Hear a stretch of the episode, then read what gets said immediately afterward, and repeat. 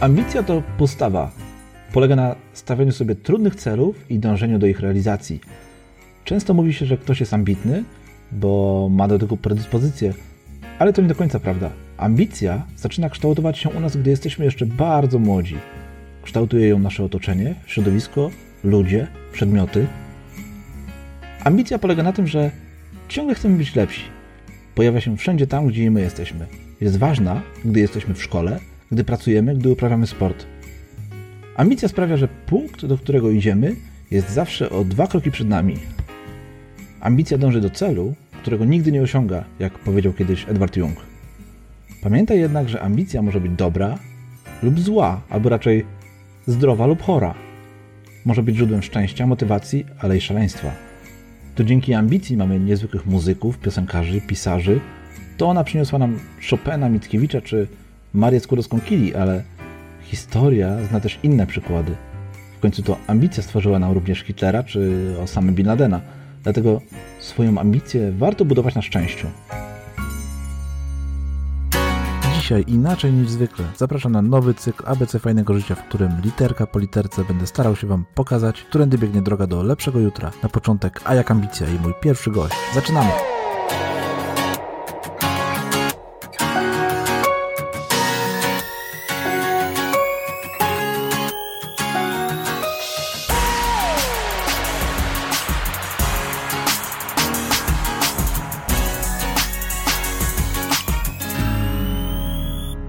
Cześć, dzień dobry. Witam Cię w kolejnym odcinku mojego podcastu, w którym opowiadam, czym jest i jak dążyć do fajnego życia. Ja nazywam się Grzegorz Sztank i każdego dnia szukam nowych sposobów na to, jak odrzucać utarte schematy i dążyć do harmonii z samym sobą. Dzielę się sposobami na mądre wprowadzanie zmian, budowanie pozytywnych nawyków i pokonywanie kolejnych barier. Podpowiadam, jak zapanować nad chaosem, odnaleźć wewnętrzny spokój i nauczyć się czerpać radość i szczęście z każdej chwili. Jak odważnie patrzeć w przyszłość, aby marzyć, spełnić marzenia i mieć swoje własne, fajne życie. Cześć, witam Cię w czwartym odcinku podcastu Fajne Życie. I jest to jednocześnie pierwszy odcinek nowej serii ABC Fajnego Życia, którą wymyśliłem po to, aby pokazać Ci jeszcze lepiej, którędy biegnie droga do szczęścia i harmonii w życiu.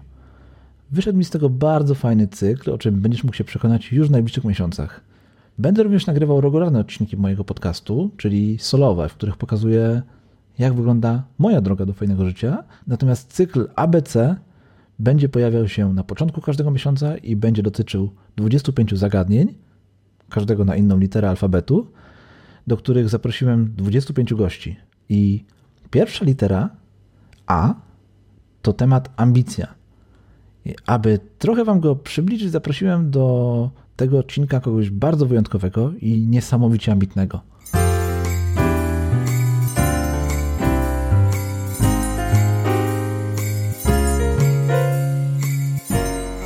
Pod koniec września miałem okazję uczestniczyć w konferencji Percaster w Poznaniu, zorganizowanej z okazji Międzynarodowego Dnia Podcastów.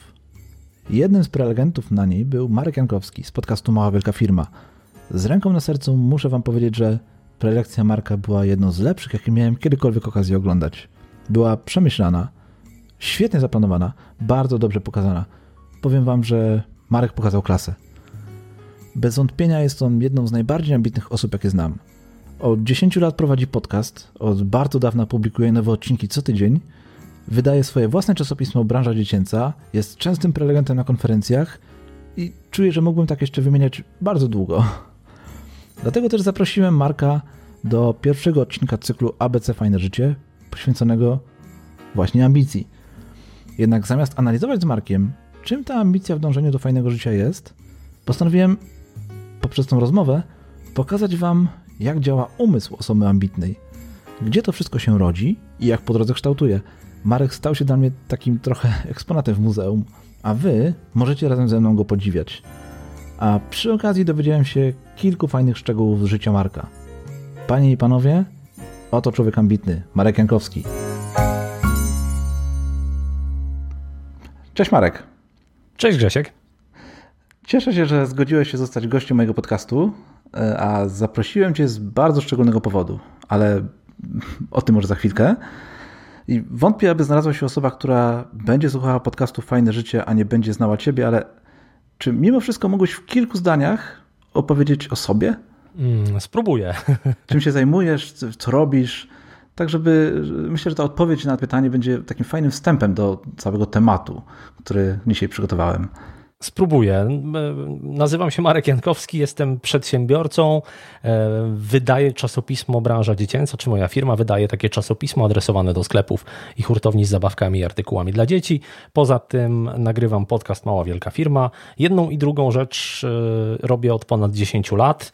E, no i co jeszcze? Mam, mam żonę, mam córkę, mieszkam w Wielkiej Brytanii. No i to w skrócie tyle. No to taki duży skrót. No, oprócz tego jeszcze, oprócz tego, że nagrywasz podcast, że prowadzisz e, tą działalność, tak, wydajesz czasopisma, no to jesteś też na przykład twórcą kursu dla podcasterów. No, stworzenie A, takiego tak. kursu, jak wiadomo, to nie jest takie byle co, prawda? No tak, tak. No, to są, są różne tematy, takie, które się pojawiają e, też przy okazji tych dwóch głównych rzeczy, e, więc e, no, gdybym miał wchodzić w szczegóły, to mógłbym gadać jeszcze długo, e, ale, ale no, w, takim, w takim ultra skrócie to to jest to. Powiedziałeś, że mieszkasz w Wielkiej Brytanii, ale mimo to z, jesteś chyba na większości konferencji dla twórców w Polsce, przynajmniej na wielu z nich widujecie. No staram się być przynajmniej na tych konferencjach rzeczywiście podcastowych, no bo to jest temat, w którym siedzę dość mocno. Natomiast pewnie gdybym mieszkał we Wrocławiu, tak jak wcześniej, no bo tutaj mieszkam od tam trzech lat z hakiem, ale gdybym był we Wrocławiu, to pewnie można by mnie było spotkać częściej. E, staram się też to jakoś tak łączyć, to znaczy jak już jadę w jedno miejsce, to szukam możliwości, czy przy okazji nie dałoby się zorganizować czegoś obok, żeby e, wiesz, żeby nie latać za każdym razem, bo to jednak lot trwa dwie godziny, ale cała dojazd na lotnisko, odprawa, e, dolot, przelot, przejazd i tak dalej, to generalnie taka podróż zajmuje cały dzień. No więc jak już lecę do Polski, to staram się to jakoś tak blokować. No właśnie, dużo łączysz takich rzeczy, tak? Bo e, oprócz tego, że prowadzisz podcast, no to rozumiem, że w ramach jakby całej małej, wielkiej firmy nagrywasz też czasem live na Facebooku, tak? Ostatnio organizowałeś tak. E, odcinek na żywo z udziałem słuchaczy i to chyba na trzech różnych platformach, z tego co pamiętam, więc takie tak, sporo, tak, sporo tak, tego tak. jest. No tak, no, e, jeżeli chodzi o te odcinki na żywo, to rzeczywiście to był taki pomysł wakacyjny, żeby trochę odświeżyć formułę podcastu i e, spróbować czegoś nowego. Więc faktycznie tak było, że no, wiesz, mógłbym nagrywać podcast na żywo tylko przez audio, ale możliwości techniczne są takie, że dużo łatwiej jest to zrobić z wideo. Dlatego, że e, no jeżeli chcę zrobić na przykład Facebook Live, no to on wideo, mógłbym tam postawić jakiś statyczny ekran, ale to by było po prostu e, no, trochę bez sensu. Więc, e, więc robiłem to w formie wideo też dzięki temu, e, że pojawiało się to jako Facebook Live czy YouTube Live, e, to można było zauważyć, że coś takiego się dzieje, nie wiedząc o tym, więc to jest też szansa na przyciągnięcie dodatkowych odbiorców, którzy mm, albo posłuchają, albo też zadzwonią do takiej audycji i wezmą w niej udział. E, więc no, to, to był taki eksperyment, ale, ale to też, też związany z podcastem, więc to nie była jakaś zupełnie inna odnoga mojej działalności. No właśnie, więc e, tak płynnie przechodzimy do tematu naszej rozmowy, ponieważ e, no, wiesz, inni odpoczywają w wakacje, ty robisz takie eksperymenty, takie na, na taką skalę.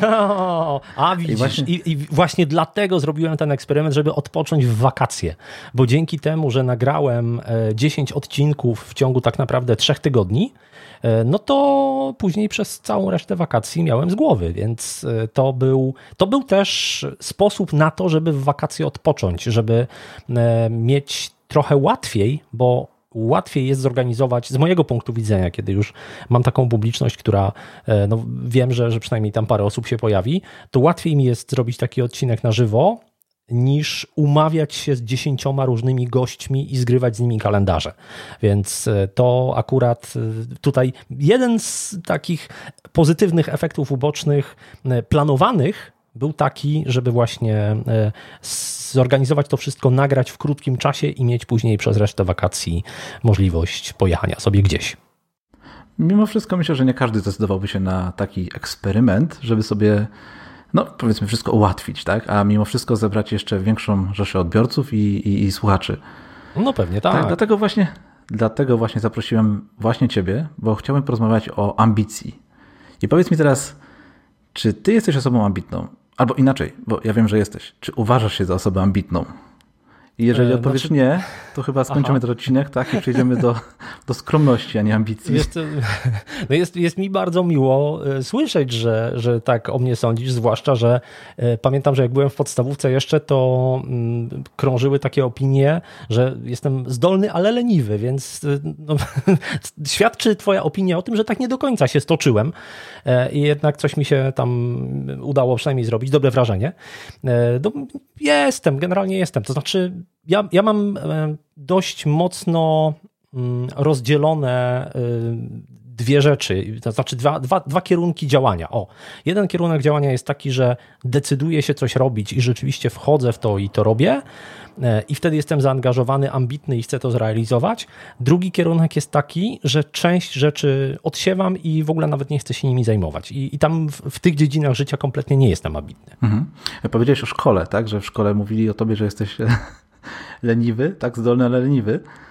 To no bo wiesz, składa, jak bo... to jest. No, jak, jak człowiek e, stosunkowo łatwo zdobywa dobre oceny, mhm. no to no to nie musi się jakoś strasznie spinać. Jeszcze wtedy nie było szóstek na przykład w tamtych czasach, więc wiesz, no to, to nie było tak, że e, dostanę jakąś lepszą ocenę czy coś takiego, tylko po prostu no, nie, nie, nie czułem potrzeby siedzenia nad książkami od rana do, do nocy, jeżeli wystarczyło, że posiedziałem chwilę. No widzisz, tu chyba się znowu u ciebie odzywa skromność, bo e, gdy organizowałeś 10 lat małej wielkiej firmy, to wydarzenie w Warszawie, to Aha. E, miałem takie szczęście, że usiadłem przy stoliku, przy którym siedział Daniel, twój znajomy z czasów szkoły. Więc o! troszkę sobie porozmawialiśmy o, o tobie, troszkę mi opowiedział o tobie. I powiedział, że już wtedy, już w szkole byłeś mega ambitną osobą, jedną chyba z najbardziej ambitnych, jaką zna, jaką znał. Wtedy znał i zna, tak? Więc, e, więc no, czy taki leniwy byłeś? Znaczy, wiesz nie co, wiem. no to, to, bardzo, bardzo mi miło, że tutaj e, Daniel mówi o mnie takie miłe rzeczy. Wiesz, no pewnie myślę, że zdania były podzielone, to znaczy mm. Daniel mógł mnie tak postrzegać, a pewnie na przykład nauczyciele mogli mnie no tak, postrzegać tak, że jestem no, zdolny, ale mógłbym trochę bardziej tam docisnąć. No, no, wiesz jak to jest, więc, więc no super, bardzo mi miło i jeżeli Daniel słucha, to pozdrawiamy. Tak, pozdrawiamy. Mega miło mi go było spotkać, bo, bo nie widzieliśmy się, kurczę, no z 25 lat chyba i spotkaliśmy się właśnie w Warszawie. Opowiadał tak, że tyle lat się nie widzieliście, specjalnie przyjechał, żeby, żeby z tobą e, no, porozmawiać, tak, żeby się przypomnieć. Super było, super było się zobaczyć. Marek, no to tak, działalność, czasopisma, podcasty, kursy, konferencje, do tego zawsze bardzo szybko odpisujesz na maile, bardzo szybko, to jest też dla mnie cud. Myślę, że musisz dostawać sporo, prawda? E, wiesz co, tak, ale to, to, mm, to może akurat masz to szczęście, że trafiasz w moment, bo ja mam takie okresy, że naprawdę leżą te maile u mnie długo, a mam, wiesz, i są rzeczywiście e, z drugiej strony tacy ludzie, którzy są zdumieni tym, jak ja szybko odpowiadam, ale to się wiąże z tym, że ja akurat siedzę przy komputerze, jak dostaję tego maila i odpowiedź nie zajmie mi tam więcej niż dwie minuty, no więc od razu odpisuję, żeby tych maili nie, nie magazynować gdzieś tam niepotrzebnie. Mhm. Także e, faktycznie, no jak, jak ktoś do mnie pisze maila, to może się zdarzyć, że odpowiem od razu, ale jeżeli nie odpowiem w ciągu e, tygodnia, to też nie jest jakieś nic niezwykłego bardzo. No dobrze, ale to nie zmienia faktu, że tego wszystkiego jest no, naprawdę dużo. To powiedz mi, jak ty to robisz, że znajdujesz na to wszystko czas? Organizacja, może odwrotnie, właśnie jesteś taki spontaniczny i to po prostu wszystko samo wychodzi. to znaczy, ja staram się wdrażać pewne takie mądre rzeczy, które usłyszałem od mądrych ludzi. E, między innymi to, żeby na przykład rano nie zajmować się mailami, tam mediami społecznościowymi, tylko zajmować się swoimi rzeczami, a te e, rzeczy na zewnątrz zostawić na popołudnie. I gdzieś no, staram się to układać coraz lepiej. Nie jestem jakimś mistrzem organizacji czasu wcale, ale na ile e, jakby udaje mi się spróbować i wdrożyć te, te różne techniki do swojego życia, no to, to, to staram się ich trzymać. Ja jestem w ogóle takim zwolennikiem ułatwiania sobie życia i optymalizowania sobie życia. I to nie jest nic niezwykłego, no bo ludzie, generalnie wiadomo, że myślenie to jest wydatek energetyczny, a nasz mhm. mózg jest e, raczej maszyną, która oszczędza energię, a nie zużywa ją ile tylko wlezie. Więc e, jak wiesz, jak, jak znajdę sposób na to, żeby sobie coś ułatwić, zautomatyzować, uprościć, to to robię. I mm, nie, nie, ma jakiejś takiej, wiesz, jednej filozofii, której się trzymam, że tam wdrożyłem e, metodologię getting things done i teraz już w ogóle wszystko mam poukładane, tylko to są raczej takie jakieś drobne elementy, które próbuję wdrażać i, i niektóre się przyklejają i zostają, a niektóre Czyli cały czas starasz się iść tak do przodu, tak? Tak, tak. No, mm, mhm. wiesz, to, to się wiąże z tym, że e, jak to, jak to e, już nie pamiętam, na której lekcji w szkole to było, ale pojawiło się takie hasło Pantarei, wszystko płynie. No i to tak jest, że, że nie da się tego wszystkiego ustawić raz na zawsze i mieć, no bo zmieniają się narzędzia, zmieniają się potrzeby, e, ja się zmieniam jako człowiek i no wszystko się zmienia, więc, więc wiesz, to, to trzeba cały czas gdzieś nadążać za tym. Jesteś chyba taką osobą, która lubi narzędzia, prawda? Takim narzędziowcem trochę, prawda? Myślę, że. No tak, tak, tak. Ja lubię. też mam gdzieś podobnie, i więc, więc tych narzędzi wykorzystujesz całkiem sporo. I co zresztą też robi wrażenie, bo wiem, że jak się umawiałem z tobą na podcast, wysłałeś mi link, tutaj mogę sobie popatrzeć na terminy, kiedy masz wolne. No po prostu wszystko masz tak fajnie poukładane. To, no, to, jest, to, jest, to robi wrażenie na pewno. No widzisz, ale to jest właśnie jedno z narzędzi, które oszczędzają czas, no bo gdybyśmy mm, próbowali tak, tak. zgrać tak. terminy, e, wiesz, e, za pomocą maili, to wymagałoby to prawdopodobnie wymiany kilku wiadomości, potwierdzania i tak dalej. A e, takie narzędzie skonfigurowałem raz, ewentualnie tam, nie wiem, wprowadzam jakieś daty wakacji, wyjazdów, jakichś takich rzeczy, żeby te terminy zablokować i każdemu wysyłam ten link, i on tam widzi, które terminy są dostępne. Jeżeli się okaże, że chce przełożyć spotkanie, to znowu nawet nie musi do mnie mailować w tej sprawie, tylko klika sobie tak. zmień Link. termin i przekłada. Więc to, to wszystkim ułatwia życie, bo to oszczędza nie tylko mój czas, ale też tych osób, które mm, się ze mną umawiają. No dobrze, wróćmy do tego dzieciństwa. Powiedz mi, jak to się stało, że jesteś taki ambitny? Bo ambicja to jest coś, co wyciągamy z młodości, coś, co co więc miało to wpływ na ciebie, że, że jesteś taki ambitny? Jakaś osoba, wydarzenie? Co takiego zdarzyło się w twojej młodości, co spowodowało, że jesteś właśnie tak ambitny? Mm, co, Znasz no, takie coś, takie wydarzenie? Może... Ja nie, nie przypominam sobie jakiegoś jednego wydarzenia, natomiast faktem jest, że ja od dziecka byłem ciekawy i Wiesz, no jak, jak może zaspokoić swoją ciekawość kilkuletnie dziecko, zakładając, że dzisiaj to tam, nie wiem, no, bierze, bierze tablet albo coś tam i odkrywa świat. No ale przenieśmy się w czasie e, gdzieś tam do początku lat 80., no i jak takie dziecko może zaspokoić ciekawość? No czytając, bo to wtedy była w zasadzie jedyna metoda. E, w telewizji były dwa kanały, więc też nie było szału e, i na tych dwóch kanałach też niewiele się działo. Więc faktycznie dość szybko nauczyłem się czytać. E, I takim bardzo charakterystycznym wydarzeniem, które pamiętam, bo to wszyscy się nie mogli temu nadziwić, było to, że w wieku siedmiu lat przeczytałem w pustyni i w puszczy. E, I wydawało mi się, że tym zaskakującym elementem było to, że ta książka jest dość gruba, jak na siedmiolatka, no ale ostatnio próbowałem ją czytać mojej córce i wydaje mi się, że chodziło im również o to, że ona jest strasznie nudna. To znaczy, przynajmniej jak człowiek próbuje zacząć ją czytać, to ona jest tak ciężkim językiem napisana, że, że moja córka odpłynęła w ogóle i ja też. Więc sam, sam siebie w tym momencie podziwiam, jak ja to w wieku 7 lat mm, przeczytałem. I to czytanie miało też jeszcze takie aspekty, można powiedzieć, inne zaskakujące, no bo pamiętam, że jak byłem w pierwszej klasie, to była, e, no były jakieś lekcje, pani coś tam nam zadawała, tłumaczyła i wyjaśniała.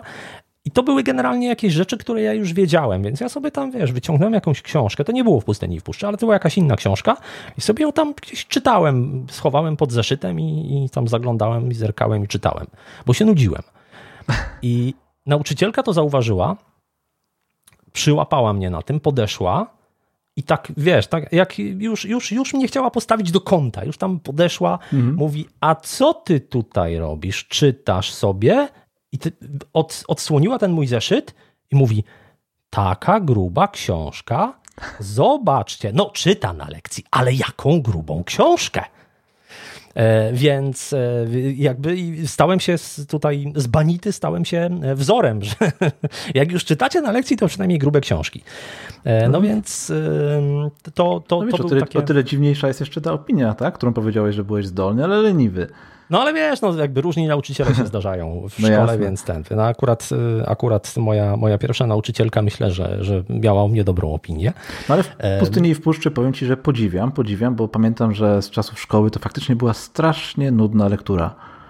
Strasznie nudna. No, no widzisz, ale to wyobraź sobie teraz, w jakiej musiałem, znaczy jak inaczej wtedy świat wyglądał i jaka, tak. jaka musiała być desperacja tego siedmiolatka, że on przebrnął przez to w pustyni i w puszczy, żeby zobaczyć kawałek świata. A propos kawałka świata, to w, w telewizji w tamtych czasach pojawił się też taki program Bliżej Świata, e, gdzie pokazywano różne takie um, fragmenty, bo wtedy telewizja satelitarna była takim odkryciem i oczywiście w Polsce to tam miały dwie osoby, ale e, w tym programie Bliżej Świata pokazywali różne takie urywki programów z satelity. I tam można było zobaczyć faktycznie różne rzeczy kompletnie inne od tego, co się wtedy pokazywało w polskiej telewizji. E, I to też gdzieś e, pamiętam ten program, więc on też musiał mnie na tyle e, gdzieś wpłynąć na mnie, że, że faktycznie chciałem wiedzieć więcej, zobaczyć więcej, odwiedzić więcej miejsc i tak dalej. No a też prawda jest taka, że z racji tego, że miałem dobre oceny pewnie i, i byłem uważany za zdolne dziecko, no to moi rodzice też od dzieciństwa mojego nie zakładali w zasadzie innego scenariusza niż to, że ja pójdę na studia. Więc też miałem taką perspektywę, że, że ja w zasadzie to, co nie wiem, to, co robię teraz, to, to gdzie jestem, to to jest, jest etap przejściowy, dlatego że ja generalnie pójdę na studia i po tych studiach coś tam się będzie działo dalej. Więc to, to już było jasne, że, że w pewnym momencie, nie wiem, skończę liceum i wyjadę z domu na studia. Okej, okay, czyli to już były takie właśnie momenty, w których y, no, te ambicje już tak były w tobie wszczepiane, prawda? No myślę, że tak. Myślę, że tak. A powiedz mi, a gdzie dzisiaj sięgają twoje e, granice twojej ambicji? Do czego dążysz właśnie? Do czego chcesz, co chcesz osiągnąć? Kim chcesz być? Gdzie są, czym są te twoje dzisiejsze studia, do których dążysz? O. No to jest bardzo dobre pytanie. Ja mam, znaczy na pewno jedna rzecz, którą mam od, od dzieciństwa i która ciągle mi towarzyszy, to jest dążenie do niezależności, do takiego bycia, wiesz, że ja, ja mogę coś, ale nic nie muszę. I to się objawia na bardzo różnych, czy w bardzo różnych dziedzinach życia. No bo to, że mam własną firmę, a nie jestem pracownikiem, to mnie uniezależnia od, od szefa, od jakichś tam układów w firmie i tak dalej, no bo to ja jestem szefem. Oczywiście firma jest zależna od klientów, od rynku, wiadomo, ale to, to jest jednak, wiesz, to, to, to nie jest jakaś, jakiś jeden szef, który nad tobą stoi. To, że nagrywam podcast, to też jest takie, wiesz, można powiedzieć, niezależne radio. No, kiedyś pracowałem w radiu i to była jakaś struktura, byli tam jacyś wydawcy, byli jacyś redaktorzy, e, którzy to wszystko u, u, układali i regulowali. Jako podcaster jestem sam sobie sterem, żeglarzem i okrętem. E, prowadzę też, znaczy to, że się przeprowadziłem do Wielkiej Brytanii, to też był taki eksperyment, który e, był podyktowany ciekawością i tym, że, że wiesz, ja chcę zobaczyć, jak się żyje gdzie indziej, E, w mhm. takim miejscu, gdzie też nie, wiesz, nie, jestem, jestem poza tymi wszystkimi tam zależnościami, e, w których byłem w Polsce. Jestem trochę na zewnątrz. To, to, to są tego typu rzeczy. Więc ta niezależność jest bardzo, bardzo mocna w moim przypadku. Wiesz, nie mam żadnych długów na przykład. No, miałem przez, przez długi czas jakiś tam kredyt hipoteczny, ale go spłaciłem, nie mam go i, i bardzo mi z tym dobrze. E, to, to tak, jeżeli chodzi o niezależność jakąś tam, powiedzmy, finansową. A drugi taki aspekt to to, że ja strasznie nie lubię marnotrawstwa. I też mam takie dążenie do tego, żeby to, co robię, było pożyteczne, e, żeby w jakiś sposób pozytywnie wpływało na życie innych i e, no, co strasznie zabrzmi tak e, doliną szemową, ale, ale gdzieś tam, no nie wiem, chciałbym zostawić świat lepszym niż go zastałem. O. I, I na ile mogę w swoich tutaj e, małych możliwościach e, się do tego przyczynić, no to, to staram się to robić. Zresztą myślę, że każdy słuchacz twojego podcastu to widzi. A powiedz mi, czy widzisz już gdzieś ten cel, który chcesz osiągnąć, czyli tą niezależność? Czy jesteś już blisko, czy to jest jednak jeszcze bardzo taki odległy i daleki cel? Czy może w połowie drogi jesteś tak? Wiesz co, no ja, y, nie, ja jestem niezależny. Znaczy, wiesz, no oczywiście e, na tyle, na ile może być niezależny człowiek, który ma rodzinę, no bo to, to zawsze jest e, poza wszystkimi plusami, jest mhm. to coś, co ogranicza naszą wolność w jakiś sposób, no ale, ale to jest świadomy wybór. E, więc no, jestem, jestem niezależny, bo wiesz, no, robię co chcę, żyję gdzie chcę i to jest super, więc w tym momencie nie mam, wiesz, nie mam jakiegoś dzisiaj takiego celu przed sobą, e, który by mnie jakoś szczególnie napędzał. Dzisiaj raczej staram się pocieszyć trochę tym, do czego doszedłem w ciągu poprzednich lat. E, bo prawda jest też taka, że jeżeli dążymy do celu, to często jesteśmy na nim tak skupieni, że nie widzimy tego, co się dzieje dzisiaj. A no myślę, że, że już na tyle się nagoniłem ten cel, że, że przyszło, przyszedł czas, żeby się nim trochę pocieszyć. I nie twierdzę, że będę się nim cieszył e, w taki sposób do końca życia. E, mam podejrzenie graniczące z pewnością, że tak nie będzie, bo, bo na pewno coś wymyślę jeszcze. Ale na dzisiaj to, to jest taki, wiesz, taka, taki, taki wrzuciłem na luz, można powiedzieć. A jeżeli chodzi o cel, powiedz mi, jaki masz cel małej, wielkiej firmy? To znaczy, gdzie ona ma być za 5, może za 10 lat? Gdzie ją widzisz? Gdzie widzisz ten podcast, tą markę w ogóle? Oprócz tego, że, no, tak jak powiedziałeś, że chcesz, żeby chcesz w ten sposób może pomagać ludziom, tak? Albo tworzyć coś dużego, no to jak widzisz rozwój tego projektu? No bo Wiesz mała co? wielka no, firma to nie jest tylko podcast. No umówmy się, to jest już coś dużo więcej, tak? Tworzysz gdzieś społeczność na stronie, tworzysz, e, organizujesz wydarzenia, więc to jest już coś więcej niż sam podcast. Tak, tak. No, yy, jestem, jestem, znaczy nie mam, nie mam na dzisiaj takiego, takiej wizji, że za 5 lat to będzie wyglądało tak, albo chciałbym, żeby to wyglądało tak, a za 10 tak. Raczej jestem na etapie bawienia się różnymi yy, pomysłami, eksperymentowania i patrzenia, co wiesz, co chwyta i co mnie też pasuje, a co mi nie pasuje.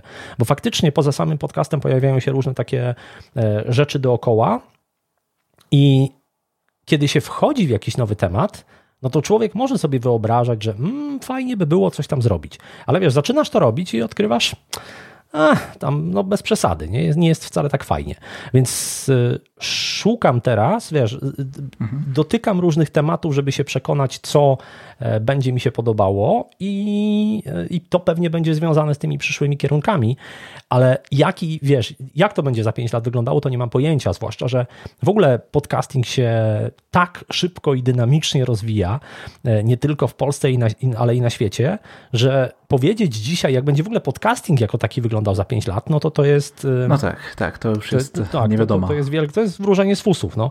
A, a tutaj faktycznie dotykamy tematów nie tylko związanych z podcastem, ale też e, z, można powiedzieć, małą, wielką firmą, jako jakimś takim przedsięwzięciem, e, które wyrosło, można powiedzieć, jako hobby, a, a gdzieś e, zaczyna zahaczać o jakieś też elementy takie biznesowe.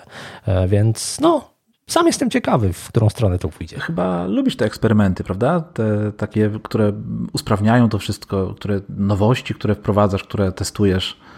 No Musisz jasne, że tak. No właśnie, właśnie te odcinki na żywo, wakacyjne, to, to, y, to było coś takiego, co bardzo mnie też nakręciło, bo wiesz, tak jak człowiek siada i, i nagrywa kolejne odcinki i robi to przez lata, no to e, w pewnym momencie wpada w jakąś taką rutynę i fajnie jest tę rutynę, znaczy ja tak mam, że fajnie jest e, rutynę w jakiś sposób przełamać. Po pierwsze po to, żeby właśnie spróbować czegoś nowego i zobaczyć, jak ci się to podoba, ale po drugie po to, żeby potem wrócić do tej rutyny z taką inną, świeżą energią, więc e, zdecydowanie lubię eksperymentować. To nie jest tak też, że, że rzucam się na każdą możliwość, tylko też jakoś tam filtruję po swojemu, ale, mm, ale mm, lubię próbować nowych rzeczy zdecydowanie.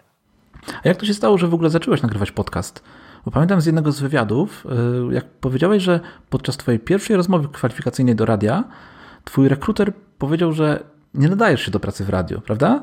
Tak, tak. I jak to było? Jak to przezwyciężyłeś? No jak osoba, której ktoś powie, że nie nadajesz się do pracy w radiu, no zostaje, zostaje najpierw co? radiowcem, później podcasterem.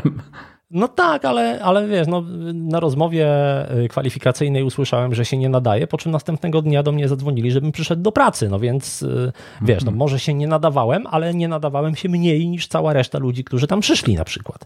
E, a później już, wiesz, zdobyłem praktykę, zdobyłem doświadczenie i okazało się, że może i mam, znaczy na pewno mam, mam przeciwwskazania do takiej pracy, ale mimo wszystko jestem w stanie się tam jakoś odnaleźć. I kiedy później już, no bo w radiu pracowałem przez prawie 8 lat, Potem założyłem firmę i robiłem różne inne rzeczy, i później założyłem, e, że zacząłem nagrywać podcast z Pawłem Tkaczykiem. Więc kiedy zaczynaliśmy nagrywać podcast, no to ja już wiesz, po tych ośmiu latach pracy w radiu e, nie, nie miałem żadnych oporów przed nagrywaniem, no bo już się trochę nagadałem mm. do mikrofonu i wiedziałem, że się nie wstydzę tego, jak mój głos brzmi. Ale to, to myślę, każdy każdy może do tego dojrzeć. I powiem ci, znam, znam taki przypadek e, chłopaka, który bardzo, bardzo, bardzo chciał pracować w radiu. E, jak ja zaczynałem pracować w radiu, znaczy ja już zacząłem pracować w radiu i byłem tam przez, przez tam rok czy, czy dwa, robiliśmy nabór i zgłosili się różni ludzie, między innymi taki chłopak, który bardzo, bardzo chciał. No ale słuchaliśmy tych jego próbnych nagrań i to była porażka. No, na, naprawdę rzadko się zdarza, żeby mhm. ktoś głosowo, dykcyjnie był tak słaby, ale on bardzo chciał. I powiem ci, że myśmy go, już nie pamiętam, myśmy go chyba nie przyjęli, albo, albo on coś tam robił, ale na pewno nie było go na antenie, e, bo, bo głosowo wypadał słabo. Po czym jakieś chyba dwa lata później e, ja na niego trafiłem, czy on się do mnie odezwał i pracował wtedy w jakimś radiu w innej części Polski. I kurczę, jak ja usłyszałem, jak on mówi, to byłem pełen podziwu dla tego, jak on dużo zrobił ze swoim głosem. On, e, no, słychać było, że naprawdę musiał się ciężko napracować. Poprawił dykcję, poprawił brzmienie głosu, poprawił intonację. I no można, jeżeli ktoś bardzo, bardzo czegoś chce, to są rzeczy, których mhm. nie przeskoczysz. No, jak, jak chcesz grać w NBA, a masz, wiesz, 1,60 m, no to sorry, no jakby nie, nie, ma, nie ma opcji. Ale jeżeli, wiesz, no jest to w zasięgu twoich fizycznych możliwości, to czasami trzeba włożyć dużo pracy, trzeba się namęczyć i napracować, ale rzeczywiście można, można ten cel osiągnąć i on ten cel osiągnął, więc y, to, to jest, wiesz, wszystko jest dla ludzi. No niektórych może krytyka też, taka krytyka motywuje. Jak to jest z tobą? Ciebie chyba też e, wtedy zmotywowało, tak? Że, że ktoś ci powiedział, że się nie nadajesz, a ty mimo tego następnego dnia poszedłeś. Znaczy, wiesz, to, tak? to, nawet, to, to nawet nie była. To, to znaczy, to, to nawet nie była krytyka, tylko to po prostu było stwierdzenie e, mhm. faktu czy pytanie, no bo, bo ten człowiek na rekrutacji mnie zapytał, czy ja wiem, że mam krzywą przegrodę nosową i że to dyskwalifikuje do pracy w radiu. Ja mhm. powiedziałem, nie wiem, nikt mi o tym nigdy nie powiedział i też w ogóle nie miałem świadomości, że, że jest coś takiego. E, i tyle. I, a, a, następnego dnia zadzwonili z, z, informacją, że zapraszają mnie do pracy na stanowisko reportera. No więc wiesz, no też y, bycie reporterem nie jest aż tak bardzo, znaczy do bycia reporterem ten głos nie jest aż tak bardzo ważny. No bo reporter oczywiście gdzieś pojawia się na antenie ten jego głos, ale on przeważnie przepytuje innych, więc częściej słychać tych rozmówców e, i tutaj no, inne, można powiedzieć, cechy bierze się pod uwagę w przypadku reporterów niż w przypadku DJ-ów. No ale tak się potoczyły losy, że minęło tam parę miesięcy czy paręnaście i zostałem tym DJ-em w tym samym radiu, więc wiesz, no można no, nie, nie, nie, nie ma co się jakoś tam fiksować na, na opinii jednego człowieka, e, czy, czy nie wiem, jakiejś jednej rozmowie. Mhm. No coś tam, nie wiem, nie pójdzie, to pójdą inne rzeczy. A jak sobie radzić z porażkami? Miałeś w ogóle jakieś porażki w życiu, czy, czy nie? Wiesz co, no e, to... A jak byś zdefiniował porażkę? No to jak ty definiujesz porażkę? Bo podejrzewam, że każdy definiuje ją inaczej. No bo mnie się wydaje, bo to jest słowo trochę spoza mojego słownika, więc ja... No i to jest odpowiedź wydaje, na moje że... pytanie. Ale powiem ci dlaczego, no bo mnie się wydaje, że porażka to jest jakiś, jakaś negatywna sytuacja, w której się znalazłeś i taka, która powoduje u ciebie jakieś tam, nie wiem, no negatywne emocje. Która jakby zamyka e... sprawę trochę też, nie? Prawda, że, że już y, no, porażkę możesz, porażkę, czy powiedzmy jakieś negatywne rzeczy możesz obrócić też w pozytywne, tak? Więc jeżeli faktycznie jest coś porażką, no to już takie zamykające na stałe tą daną rzecz.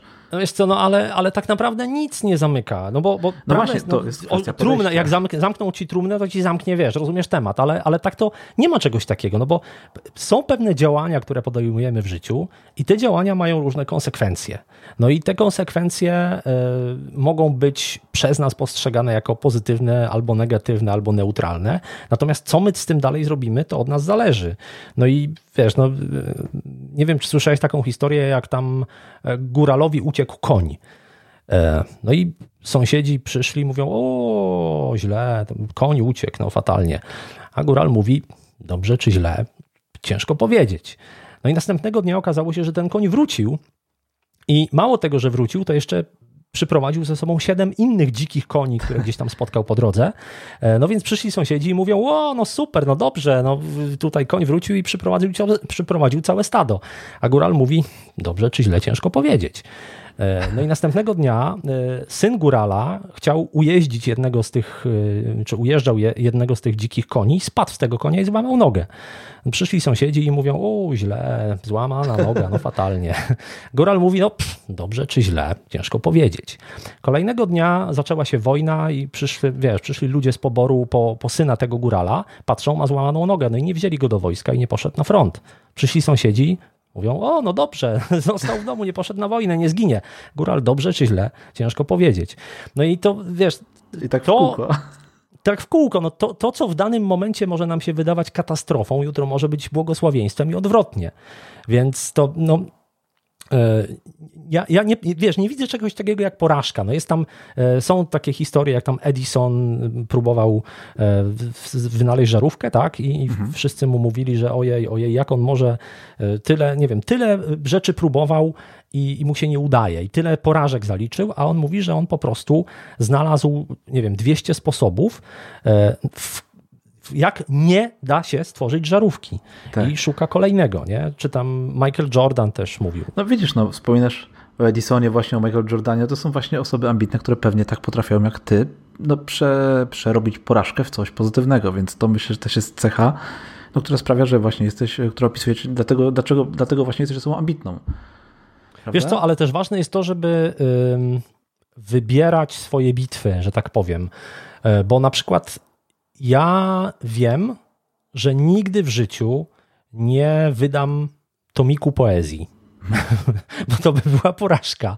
Więc ja się. No, wiesz, nigdy nie mów nigdy. Ale nie, no ja, ja znam siebie, wiesz, więc się za to w ogóle nie biorę. Albo, no, nie wiem, nigdy nie wystąpię w tańcu z gwiazdami, e, oprócz tego, że mnie nikt nie zaprasza. Ale gdyby mnie zaprosili, no to, e, to też jakby wiem, że to jest kompletnie nie moja dziedzina. Więc e, jeżeli wiem, bo już no, znam się na tyle, że w czymś jestem słaby albo nie sprawia mi to kompletnie żadnej przyjemności, e, no to, to po co się w to pakować? A jeżeli sprawia mi coś przyjemność albo jestem w tym dobry, no to ryzyko porażki natychmiast drastycznie maleje.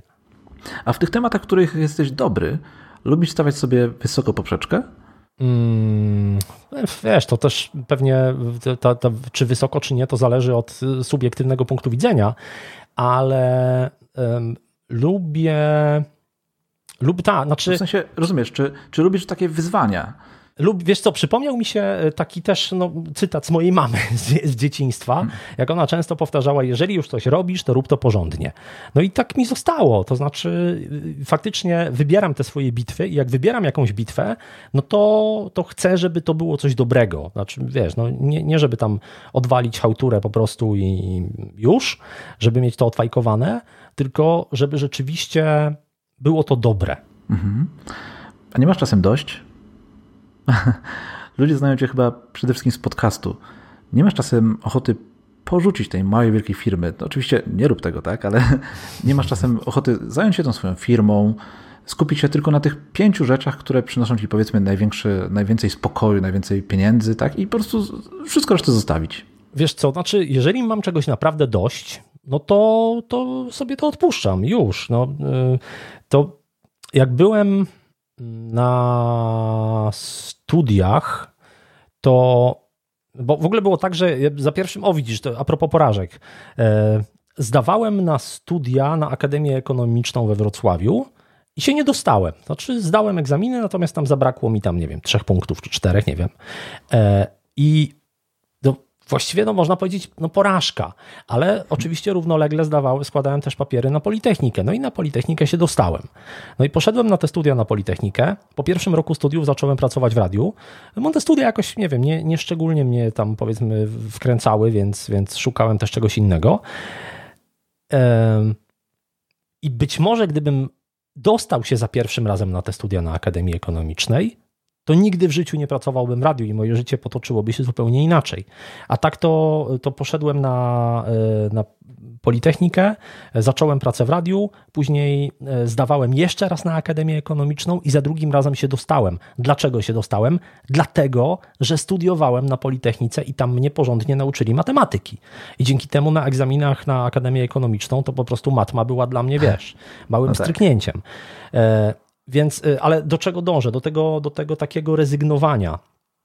E, kiedy zdałem za drugim razem na Akademię Ekonomiczną, no to już równolegle pracowałem w radiu. Dostałem się na studia dzienne. I po jakimś bardzo krótkim czasie, po nie wiem, tam miesiącu czy coś takiego, przeniosłem się, czy poszedłem do dziekanatu, żeby się przenieść na studia wieczorowe. I panie w dziekanacie przecierały oczy ze zdumienia i upewniały się siedem razy, czy ja wiem, co robię. Dlatego, że studia dzienne, nie wiem jak to tam teraz wszystko wygląda, ale studia dzienne generalnie były bezpłatne. Tak. Studia wieczorowe były płatne. No więc e, one mówią, ale pan się chyba pomylił. Dlatego, że wszyscy, którzy do nas przychodzą, przychodzą dokładnie w odwrotnym celu, żeby się przenieść tak z wieczorowych na dzienne. To pan na pewno chce z dziennych na wieczorowe i chce pan płacić? Ja powiedziałem tak, chcę płacić, dlatego że mam fajną pracę, która mi generalnie zajmuje e, dni i tak nie jestem w stanie na te dzienne zajęcia przychodzić, a zarabiam na tyle, że spoko sobie zapłacę za te wieczorowe studia. I no i przeniosłem się, po czym po jakimś też krótkim czasie przeniosłem się w ogóle z wieczorowych na zaoczne, bo okazało się, że na te wieczorowe też nie zdążam i się nie wyrabiam, bo tyle mam roboty. E, więc odpuściłem sobie dzienne studia, żeby zająć się czymś innym, co mnie kręciło, czyli pracą w radiu. Później po, po tam tych ośmiu latach odpuściłem sobie pracę w radiu, bo też nikt mnie stamtąd nie, nie usuwał. Ja tam, wiesz, miałem etat i dobre warunki pracy, zrezygnowałem z tego etatu i odszedłem z tej pracy, żeby założyć swoją firmę. E, I, i to tak, tak to wygląda. No, wiadomo, że e, trzeba dokonywać pewnych wyborów i, i ta rezygnacja z różnych tematów jest nieunikniona w pewnym momencie. Ale wiesz to wrócę jednak do tego podcastu, do, do podcastu do mojej wielkiej firmy. Nie masz czasem dość nagrywania? Wiesz co, nie. Tego cotygodniowego nagrywania, tych cotygodniowych e, odcinków, umawiania się, rozmów. Nie, zdarza, zdarza się, że jestem zmęczony, ale to, to wiesz, no, to jest normalne. No, mhm, wiesz, oczywiście. gdybyśmy rezygnowali z jakichś rzeczy w życiu tylko dlatego, że jesteśmy zmęczeni, to byśmy nigdy w życiu do niczego nie doszli.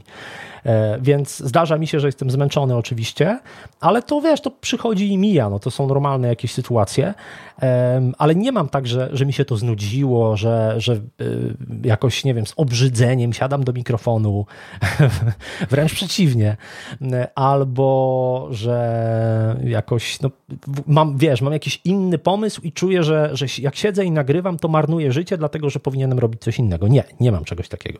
A miałeś kiedyś jakieś zacięcie w nagraniach? To znaczy, że już zostało 2-3 dni do kolejnego odcinka, ty nie miałeś nagrania, nie miałeś gościa, nie miałeś żadnego tematu y, obmyślonego na dany odcinek, nie wiedziałeś o czym nagrać. Miałeś coś Wiesz takiego? co, zdarzyło się to ze dwa razy chyba um, i, i faktycznie to była jakaś taka sytuacja, że miałem, miałem umówionego gościa i w ostatniej chwili coś temu gościowi wypadało losowego. No i, i wiesz, miałem nagranie umówione na piątek, a w poniedziałek ma wyjść nowy odcinek. No to siadam i nagrywam sam. E, wiesz, no na szczęście też nagrywam na tyle długo i na tyle też wiem sporo o moich słuchaczach i o, ich, o tym, co robią, o ich potrzebach, że wiesz, no zawsze, zawsze mam listę tematów takich zapasowych, więc spokojnie no jestem w stanie usiąść i, i nagrać coś, więc tutaj nie, no są to wiadomo sytuacje awaryjne, ale też nie, nie jakieś takie bez wyjścia. Mhm. A jak ma się u Ciebie ambicja do asertywności? Czy tak duże osiągnięcia, jakie masz na koncie, no bo no, jest ich sporo, to nie jest przypadkiem wynik niskiej asertywności. Może po prostu to nie ty to wszystko robisz, tylko jakby to wszystko cię na tyle y, mm, otacza, że po prostu idzie samo, samo idzie, tak?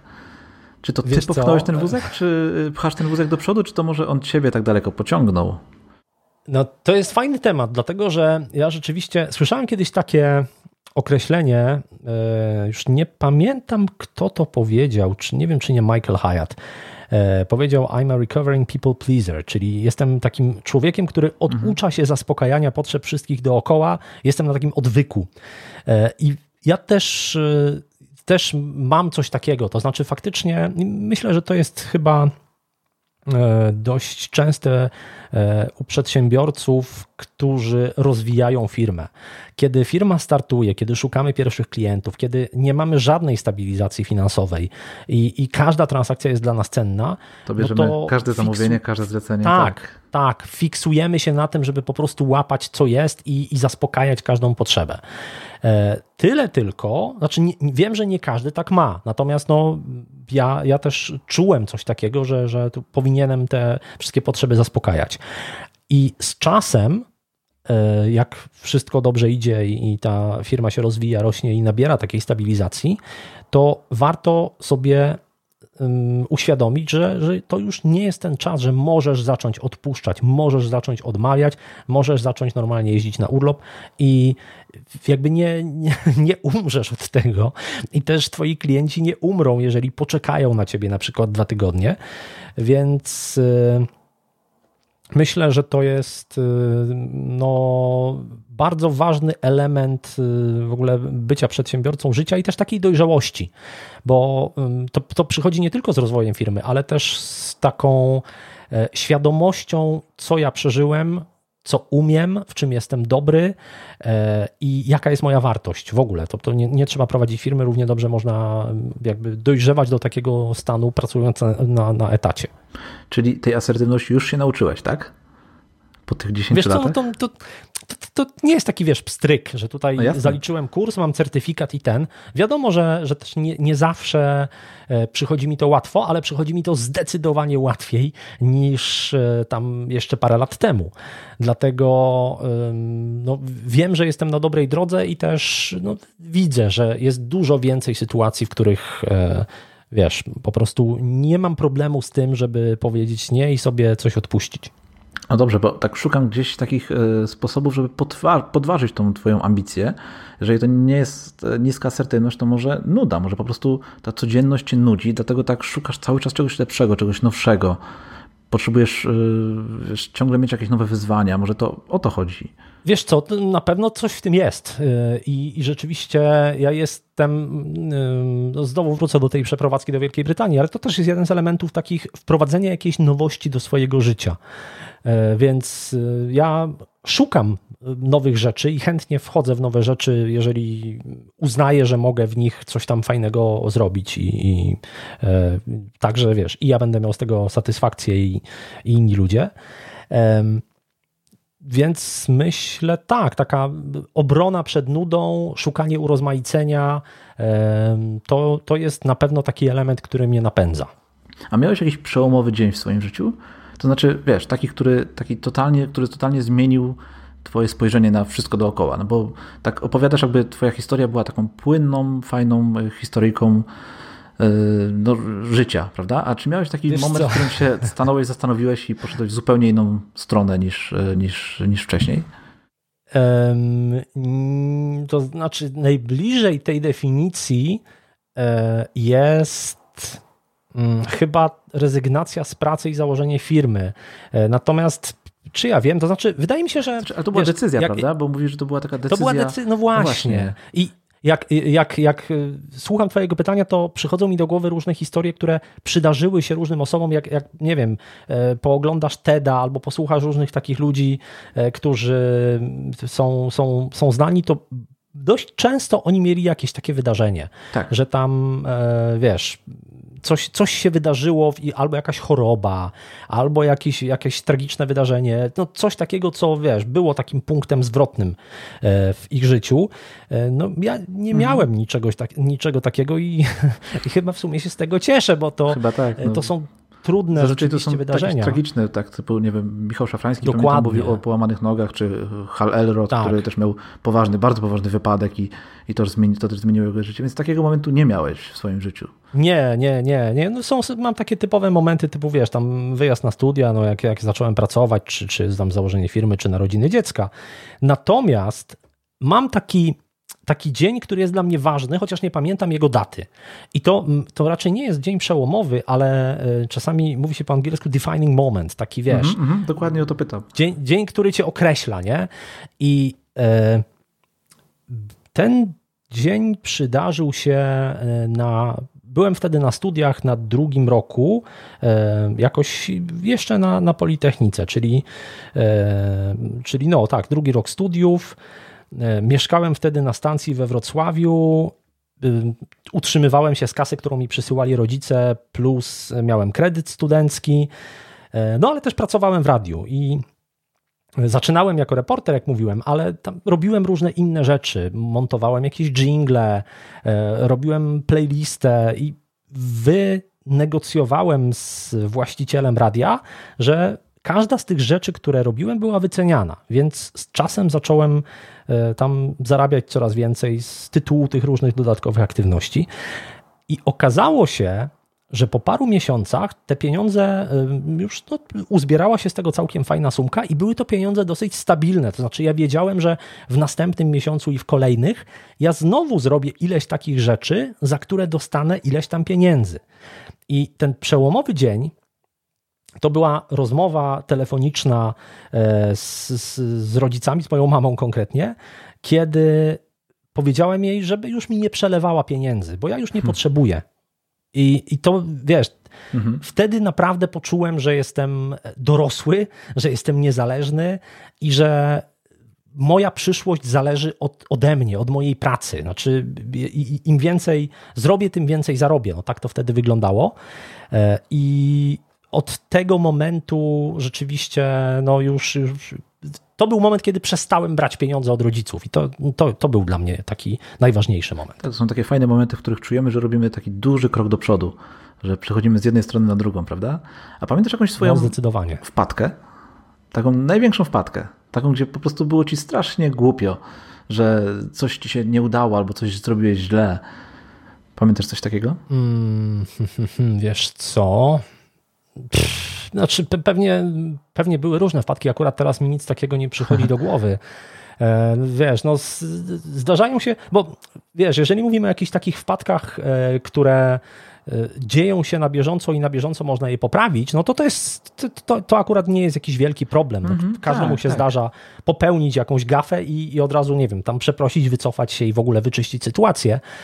Gorzej pewnie, jeżeli zrobisz coś, i, I dzisiaj to nie wygląda źle, ale się okazuje, że wiesz, że, że gdzieś tam e, konsekwencje tego są jakieś niemiłe, ale nic takiego mi nie przychodzi do głowy, więc. To dobrze, na, dobrze. na, pewno był, na pewno było tylko. Ale widzisz, to też wynika z tego, że ja się kompletnie nie skupiam na negatywnych wydarzeniach z przeszłości. Ja je po prostu, wiesz, ja je zapominam. Tak, ja, to myślę, że składa się w taką jakiś... całość. Dokładnie. Cała, cała, no. cała ta rozmowa to gdzieś tam e, taki, no składa się w taką całość, to wszystko pasuje do siebie. Jeżeli mogę wyciągnąć jakiś wniosek, e, to go wyciągam i wiesz, wcielam w życie i koń, jakby tam ta sytuacja przestaje istnieć. E, przypomniała mi się historia jedna e, ze studiów, jak negocjowałem ocenę. E, I to było tak, że miałem, e, czekaj, czekaj, już nie pamiętam z czego to była ocena, w każdym razie miałem ocenę 2, poprawioną na 4 i piątkę, czyli oceny 2, 4, 5. No i przychodzę y, tam, aha i na, na koniec tam y, pani tam doktor prowadząca ćwiczenia, czy, czy ktoś taki, mówi mi, no to 3,5. Ja mówię, ale jak 3,5? Ona mówi, no 2, 4 i 5, wychodzi 3,5. Ja mówię, ale nie, no jak, w ogóle nie, nie ma takiej opcji, znaczy to dwa już nie istnieje. Ja to dwa poprawiłem na cztery, czyli mój stan wiedzy dzisiaj to jest cztery i pięć, to jest średnia jest cztery i pół, a nie żadne trzy i pół. E, I, przekonałem ją, ale to wiesz, to, to, wynikało z tego, że ja autentycznie, znaczy nie, że ja ją tam próbowałem wkręcać, tylko ja autentycznie wierzę w to, że jeżeli ja poprawiłem tę dwóję na czwórę, to tamta dwója przestała istnieć. I dokładnie tak samo mam z jakimiś, wiesz, negatywnymi wydarzeniami z przeszłości. One gdzieś na pewno się przydarzały, tylko po, po, po co mi o nich pamiętać? To powiem ci, że gdybyś trafił na moją żonę, która jest nauczycielką, w życiu by się Aha. nie przekonał. W życiu by się nie przekonał. żeby ci tą lepszą ocenę postawiła. No widzisz, no ale to no, jakby no, ludzie, ludzie mają różne podejście. Pamiętam, że też użyłem w tamtej rozmowie takiego argumentu, e, bo już widziałem, że, że już pęka tam ta, ta nasza pani od ćwiczeń, mhm. E, ale tak wiesz, była na krawędzi, nie? I mówi, no ale nie mogę panu e, postawić 4,5. Ja mówię, ale to kto, proszę mi wskazać, kto może. Ja pójdę do tej osoby i ją przekonam. Kto może? No przecież pani może. Ona, no tak, no mogę. I dała mi 4,5. Marek, na sam koniec mam jeszcze jedno pytanie do ciebie. Najważniejsze chyba. Mhm. Czy masz fajne życie? Czy jesteś zadowolony to, z tego, co masz, tak. z tego, co robisz, tak? Tak, znaczy wiesz co, to jest, to, to jest zawsze niebezpieczne też pytanie, dlatego że e, wiesz, no ma, mamy takie zakorzenione, myślę przynajmniej ja mam e, gdzieś takie um, przekonania, żeby nie kusić losu, nie chwalić dnia przed zachodem słońca i ogólnie wiesz, no Polacy raczej nie mówią, że jest dobrze. No właśnie. E, bo, bo pewnie, pewnie dlatego też, że mamy to w naszej kulturze i mamy tego, te, takie przekonania. Ale powiem Ci w drugą stronę, bo to jest też ciekawa historia, więc ja, ja mam. Natomiast byłem niedawno u e, okulisty w Anglii. No i byłem na badaniu, on mnie tam bada i pyta e, o różne rzeczy, między innymi pyta, czy, czy tak ogólnie jestem zdrowy. Ja mówię, tak. On mówi, hmm, to jest yy, zdumiewające i zawsze mnie to dziwi za każdym razem, jak to słyszę, dlatego że żaden Anglik na to pytanie nie odpowiada tak. Anglicy zawsze odpowiadają, o ile wiem, albo nie mam nic zdiagnozowanego, albo no, czuję się dobrze, e, ale żaden nie powie tak, jestem zdrowy.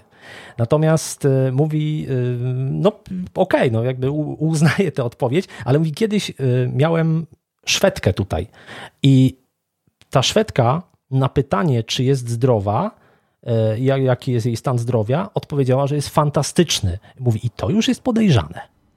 Ale Więc... to chyba typowe dla, dla e, ludzi, którzy mieszkają w Szwecji, w Norwegii, w Islandii, w tych, w tych rejonach, prawda? A widzisz, ty no tak, zmieniłeś tak. Polskę na Wielką Brytanię, gdzie wcale nie jest lepiej z takim podejściem do. Znaczy, wiesz, ale to, to jest kwestia też, myślę, mm, w ogóle języka i, i tego, jak sposobu porozumiewania się. Bo Anglicy generalnie mają bardzo duże poczucie humoru, masę e, jakby żartów i, i są tacy roześmiani. Tutaj reklamy w telewizji bardzo często są oparte na żartach, więc e, to jest e, jakby to, to nie jest tak, że Anglicy są bardziej ponurzy e, niż Polacy, tylko myślę, Anglicy mają e, taki trochę mniej wprost sposób wypowiadania się.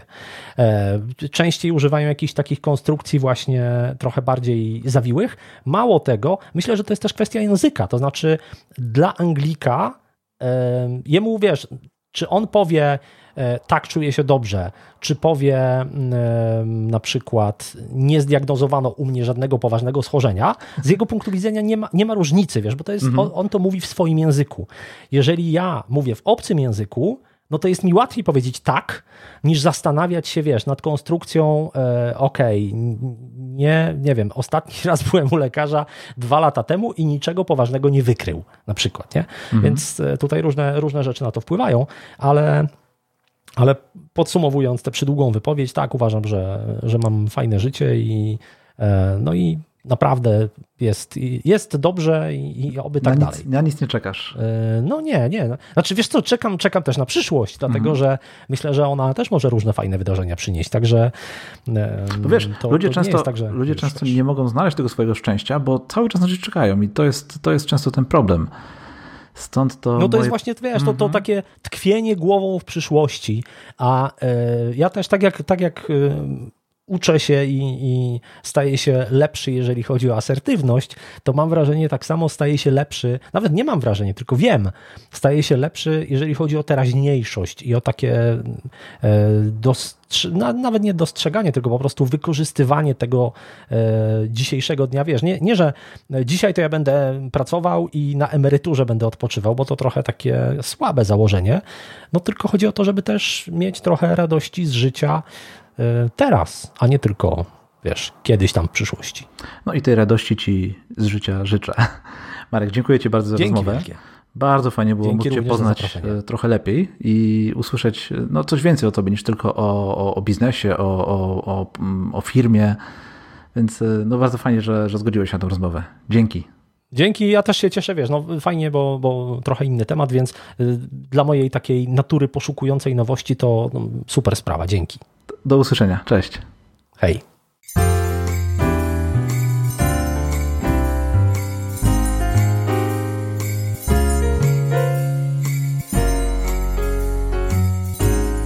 Po tej rozmowie chyba nikt nie może mi zarzucić, że źle dobrałem gościa do tematu, prawda? Cieszę się, że Marek zgodził się na tę rozmowę i potrafił odsłonić kilka fajnych szczegółów ze swojego życia. Myślę, że to fajnie pokazuje, jak rodzi się i rozwija ambicje oraz jak myśli osoba ambitna. Z tej rozmowy w głowie pozostanie mi z pewnością jedno zdanie, które powiedział Marek. W moim słowniku nie ma takiego słowa jak porażka. I to już wszystko na dzisiaj. Dziękuję Ci za poświęcony czas. Przypominam, że wszystkie notatki i linki do tego odcinka znajdziesz na fajneżycie.pl ukośnik 004 i zachęcam Cię też do zerknięcia na mojego bloga, gdzie czeka już na Ciebie artykuł poświęcony obszarom życia, na których skupiam się idąc w stronę fajnego życia. Polecam Ci też subskrypcję mojego drugiego, o wiele krótszego podcastu Morning Pages, który wypuszczam zarówno w wersji audio, jak i wideo na YouTubie, a jest czymś w rodzaju mojego newslettera, może vloga. Nagrywam co kilka dni i opowiadam w nim, co nowego u mnie się dzieje. Zapowiadam artykuły, podcasty i materiały wideo. Także zachęcam Cię do słuchania i oglądania. A na koniec mam jeszcze cytat, który myślę, że bardzo dobrze zamknie dzisiejszy temat. W wieku 6 lat chciałem zostać kucharką. Kiedy miałem 7, Napoleonem. Odtąd moja ambicja nie przestawała rosnąć, podobnie jak moja mania wielkości. Gdy miałem lat 15, chciałem być Dalim. I nim zostałem. Salvador Dali. Jeżeli podobał Ci się ten odcinek, zachęcam do pozostawienia opinii w iTunes lub serwisie, za pomocą którego słuchasz mojego podcastu. Będzie to najlepszy dowód na to, że Ci się podobało. A dla mnie sygnał, żeby tworzyć więcej. Jeżeli natomiast chcesz ze mną porozmawiać, na ten lub zupełnie inny temat, zapraszam Cię na Twittera, gdzie znajdziesz mnie pod Giesztank lub na moją facebookową grupę Fajne Życie, Fajna Grupa. Link do niej również znajdziesz w notatkach do odcinka. Do usłyszenia. Cześć!